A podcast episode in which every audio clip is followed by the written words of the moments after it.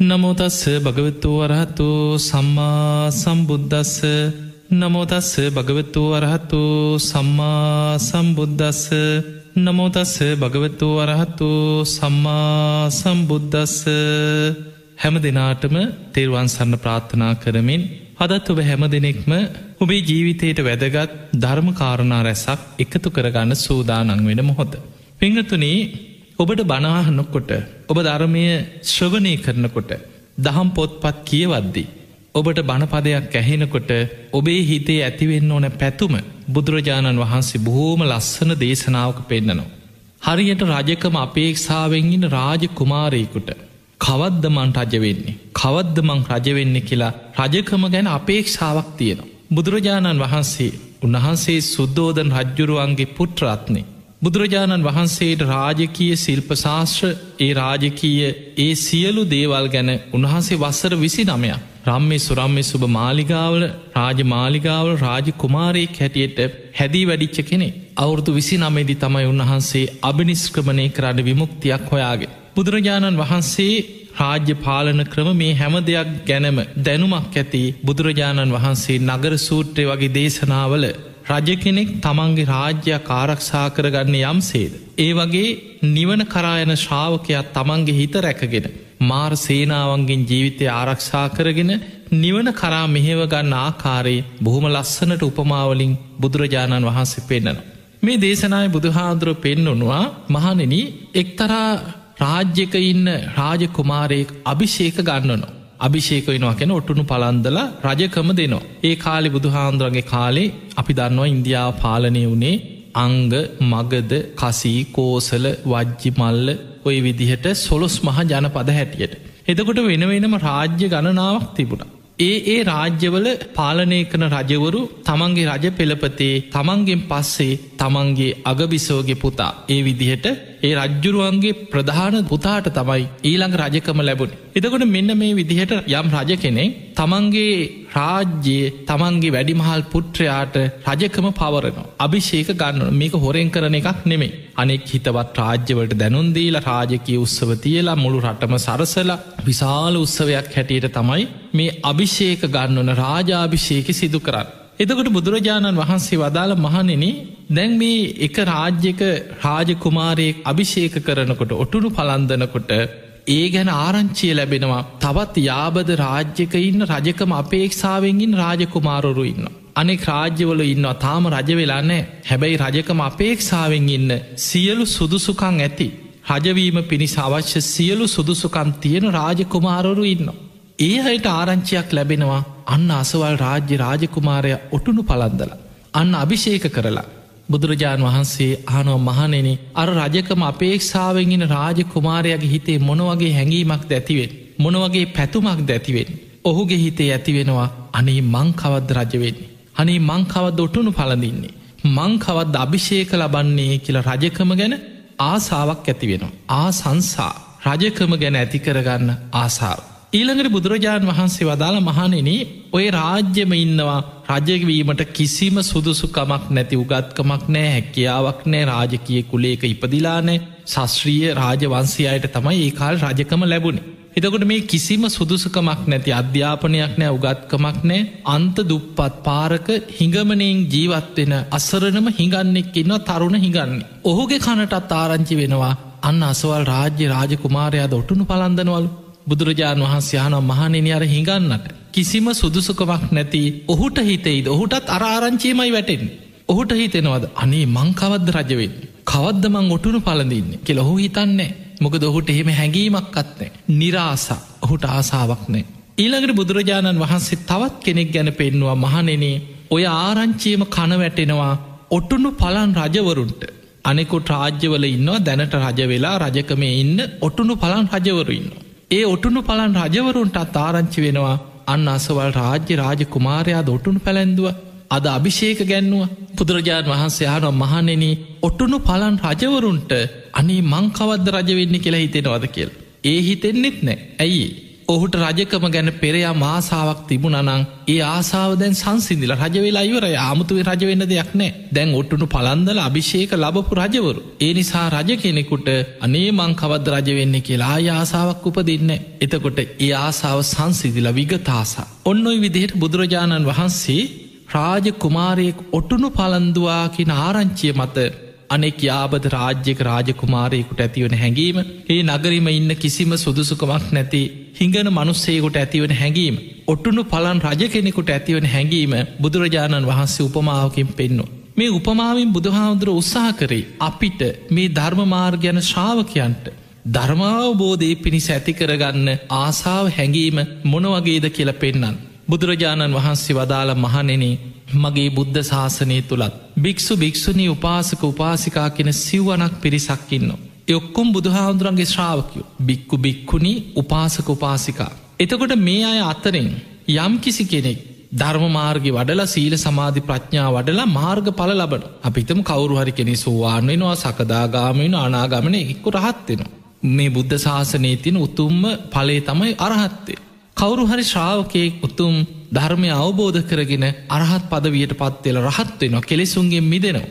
සියලු ක්ලේෂයන් ප්‍රහාණය කළ සංසාරදුක අවසන් කරන. එතකොට මේ පණවිඩේ කන වැටෙනවා අනෙක් අයට භික්ෂු භික්ෂුණී උපාසක උපාසිකාවන්න ආදී ධර්මමාර්ග වඩාගෙනයන් අනේ මංකවද්ද මාර්ග පලයක් ලබන්න කියලා හිත හිතා ධර්මාවබෝධයට වීරිය වඩන ශ්‍රාවකයන්ට ආරංචි වෙනවා අන්න අසවල් කෙනා සෝවාන් වෙලා අසවල් කෙනා සකදාගාමිලා අසවල් ස්වාමීන් වහන්සේ රහත් වෙලා බුදුරජාණන් වහන්සේ ඉදිරි අරහත්තේ ප්‍රකාශ කර තතාගතයන් වහන්සේ භික්‍ෂුව රහතන් වහන්සේ නමක් හැටියට දේශනා කර එතකොට මේ ආරංචි වෙනකොට.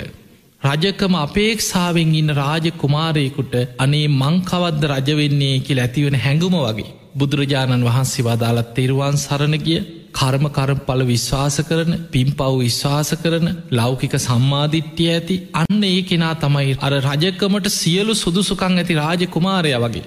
ධර්මාවබෝධයට සියලු සුදුසුකම් ඇති ඒක දියුණු කරගෙන ධර්මාවබෝධයට යන මග යන ශ්‍රාවකයට එයාටත් ඇතිවෙන හැඟීමක් ආසාාවක්. අනේ මංකවද්ද මාර්ග පල්ලබන් මංකවද්ද සෝවාන් වෙන්නේ? මංකවද්ද සකදාගාමි වෙන්නේ? මංකවද්ද අනාගාම? අනේ මංකවද්ද රහත් වෙන්නේ කියලා ධර්මාවබෝධය ගැන ආසාාවක් ඇතියෙන ආසංසා රජකම ගැන ඇතිවෙන ආසාාව වගේ මයි කියනවා බුදුරජාණන් වහන්සේ වදාලා සංසාරදුකින් මිදීම පිණිස නිවන්න අවබෝධය පිණිස ධර්මාවබෝධය කරයන ශ්‍රාවකයට ඇතිවන ආසාාව.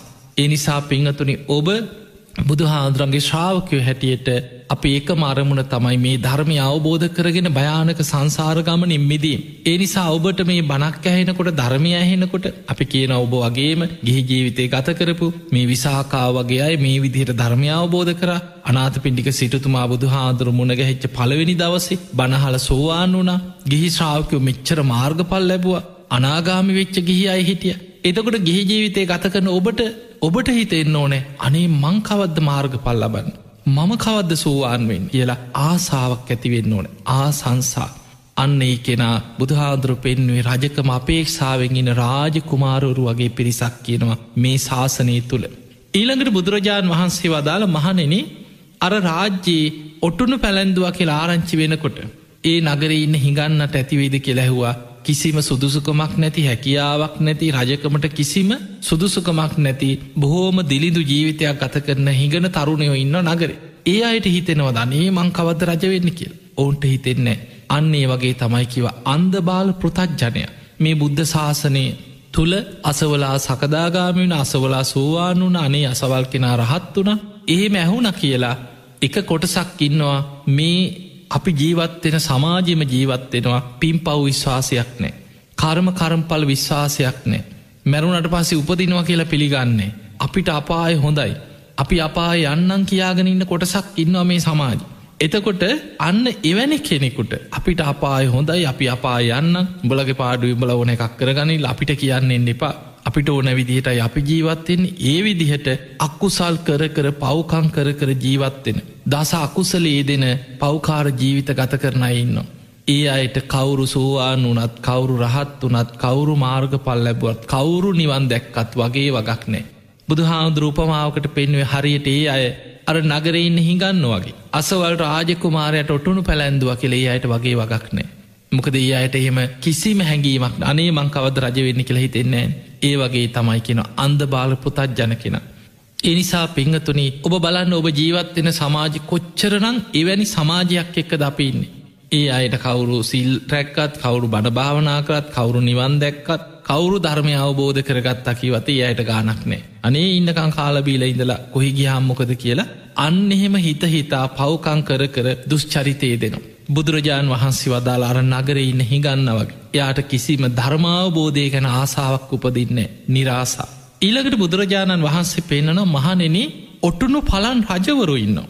මේ ඔටුනු පලන් රජ කෙනෙකුට අනේ මං කවද රජවෙන්න කියලා හිතෙන්න මොකද ඔටුනු පලන්දල ඉවරයි. ඒ ඔටුනු පලන් රජවරු වගේ කිව රහතන් වහන්සේලා. උන්වහන්සේලා ධර්මාවබෝධය පිණිස ගමන් කරේ යම් ආසාාවකින්නම් උන්වහන්සේලාගේ දැන්ගේ ආසාාව සංසිින්දි ලයිවරයි. ආය අමුතුවෙන් මට සූවාන් වෙන්න ඕන මට සකදාගාමීන්න ඕන. අනේ මංකවත් ධනාගාමයන්නේ මංකවද රහත්වෙන්න කියලා?